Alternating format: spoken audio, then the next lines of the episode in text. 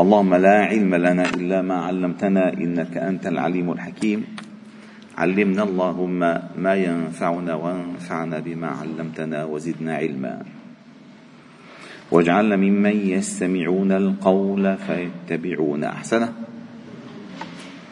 وأدخلنا برحمتك في عبادك الصالحين. وبعد. فلا نزال معكم أيها الأحباب الكرام. في مجالس القرآن ضمن دروس قرآن الفجر وقد وصلنا إلى قوله تعالى في سورة النساء إن الله لا يظلم مثقال ذرة وإن تك حسنة يضاعفها ويؤتي من لدنه أجرا عظيما. هذه الآية أتت في سياق الوصايا التي ابتدأت بقوله تعالى واعبدوا الله ولا تشركوا به شيئا إلى قوله تعالى الذين يبخلون ويأمرون الناس بالبخل وقوله تعالى والذين ينفقون أموالهم رئاء الناس ولا يؤمنون بالله ولا باليوم الآخر وقوله تعالى وماذا عليهم؟ لو آمنوا بالله واليوم الآخر وأنفقوا مما رزقهم الله وكان الله بهم عليما يعني هذه صورة الحياة كل الحياة التي يعيش فيها الإنسان ومعاملاته التي فيها. طيب يأتي يوم الجزاء إن الله لا يظلم مثقال ذرة. لما يعمل مثقال ذرة خيرا يره أي يره خيرا. من يعمل مثقال ذرة خيرا يره خيرا. ومن يعمل مثقال ذرة شرا يره شرا. فكل إنسان مجزي بما عمل. من يعمل سوءا يجزى به. من عمل صالحا من ذكر أو أنثى وهو مؤمن مؤمن فلنحيينه حياة طيبة ولنجزينهم أجرهم. فإذا الإنسان يعمل وقدموا لأنفسكم. ما تفعله أنت؟ فاعلم أنك ملاقيه. في كتاب يقول يوم الناس يوم القيامة ما لهذا الكتاب؟ لا يغادر صغيرة ولا كبيرة إلا أحصاها ووجدوا ما عملوا حاضرا ولا يظلم ربك أحدا. إذا هذه الآية أتت في ختام هذه التوجيهات التي من صالح الإنسان أن يفعلها. من رحمة الله بنا أنه شرعها لنا ودلنا عليها. فالله رؤوف رحيم. رؤوف رحيم بعباده ورؤوف رحيم بالناس جميعا. إن الله بالناس لرؤوف رحيم.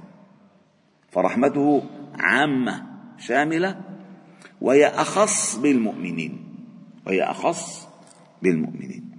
فبعدما أبان الله تعالى لنا هذه القاعدة الذهبية أن الله لا يظلم مثقال ذرة ذرة كان يقول ابن عباس الله مرضى عنه كان يأخذ حفنة من التراب ويرميها في الهواء.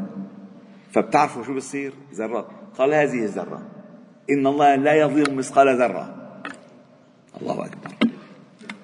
ثم أتت الآيات بعدها. فكيف؟ فكيف؟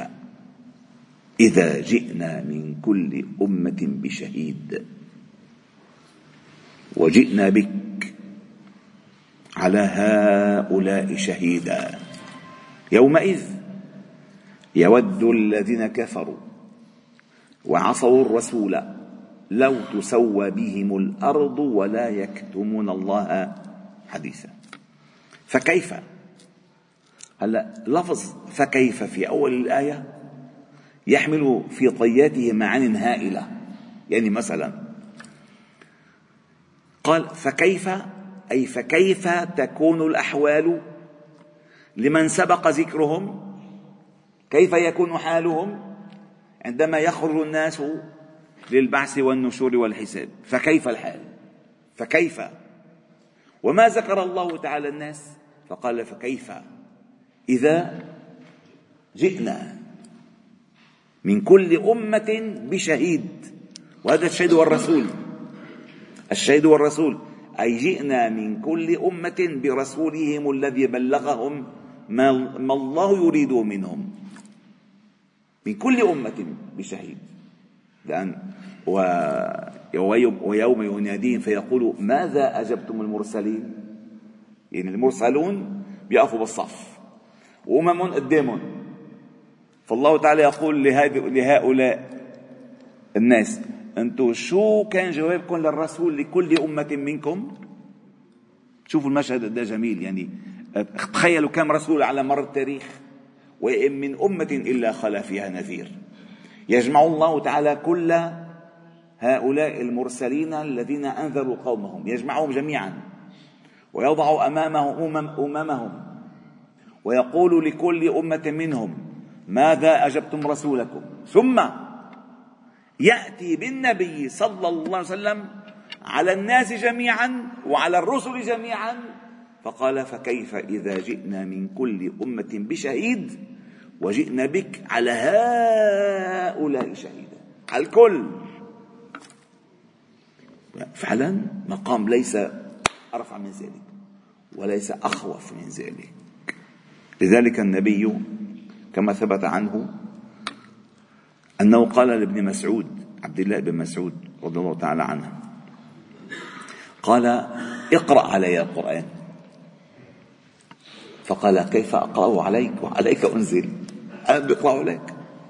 قال إني أحب أن أسمعه من غيري. قال فقرأت فشرعت بقراءة سورة النساء. من أولها لأنها مثلا هلا تصوروا نحن هلا تقريبا أكثر من شهر بسورة النساء بس بالتفسير. تصور قرأ من أول سورة النساء. يا أيها الناس اتقوا ربكم الذي إلى أن وصل إلى قوله تعالى فكيف إذا جئنا من كل أمة بشهيد؟ وجئنا بك على هؤلاء شهيدا. فقال له النبي صلى الله عليه وسلم حسبك حسبك. ليش قال له حسبك ما بده يسمع قرآن؟ لا لا. ولكن المعنى الذي وقف عليه لم يسبق مثيله في هذه السورة أبدا. هذه السورة كلها كل السورة من أول إلى الآن لم يذكر فيها النبي صلى الله عليه وسلم. كل توجيهات أوامر منهيات وصايا. إلى أن وصلنا إلى قوله تعالى إن الله لا يظلم مثقال ذرة العرض الأكبر. ثم قوله تعالى فكيف إذا جئنا من كل أمة بشهيد. يعني العرض العرض الأكبر. هناك عرض على الله اسمه العرض الأكبر. كل الناس يعرضون على الله وإليه تقلبون. كل الناس. فقال فكيف إذا جئنا من كل أمة بشهيد. الإنسان يسمع. فيسمع ويتصور الموقف. يعني إذا هو المتدبر الأول لكتاب الله إذا أنه عليه نزل. فتصور المشهد. ثم تصور نفسه أوتي به أوتي به على كل الخلق منذ أن خلق الله الخلق إلى آخر نسمة في هذه الدنيا جاء الله تعالى به على كل هؤلاء شهيدا. فتصور الموقف فلم يحتمل. فقال له حسبك.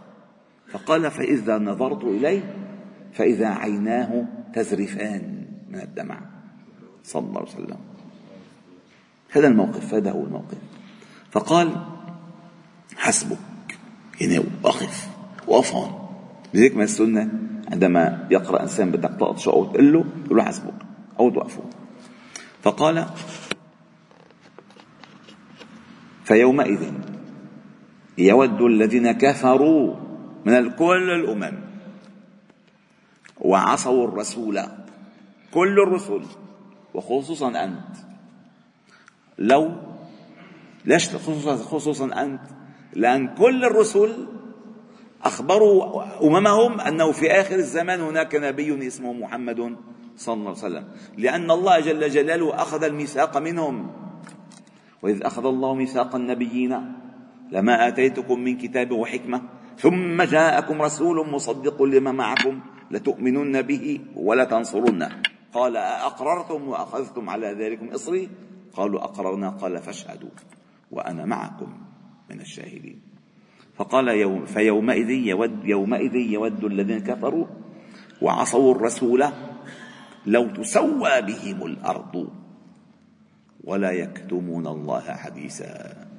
أي هذا الموقف العظيم عندما تخرج الفضيحة الكبرى لا فضيحة لأن على الأشهاد على الأشهاد ما في تخبية كل واحد بده ينكشف. فالموقف هذا الموقف هذا المخزي يود الذين كفروا والذين عصبوا الرسول لو تسوى بهم الأرض أي لو يكونوا يدفنون في الأرض انشأت الأرض وبلعتهم. انشأت الأرض وبلعتهم.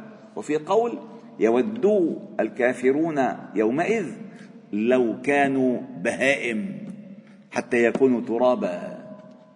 يوم ينظر المرء ما قدمت يداه ويقول يا ليتني كنت ترابا. فإذا تراب الأرض مسوي به الأرض.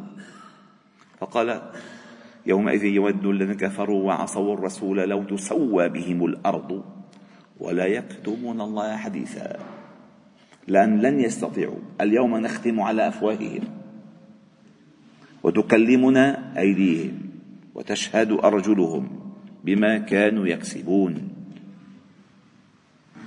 ويوم يحشر أو نحشر أعداء الله إلى النار فهم يوزعون حتى إذا ما جاءوها شهد عليهم سمعهم وأبصارهم وجلودهم بما كانوا يعملون وقالوا لجلودهم لما شهدتم علينا؟ قالوا أنطقنا الله الذي أنطق كل شيء وهو خلقهم ولا يكتمون الله حاجة يعني إذا أنت ما حكيت حيحكي جسمك.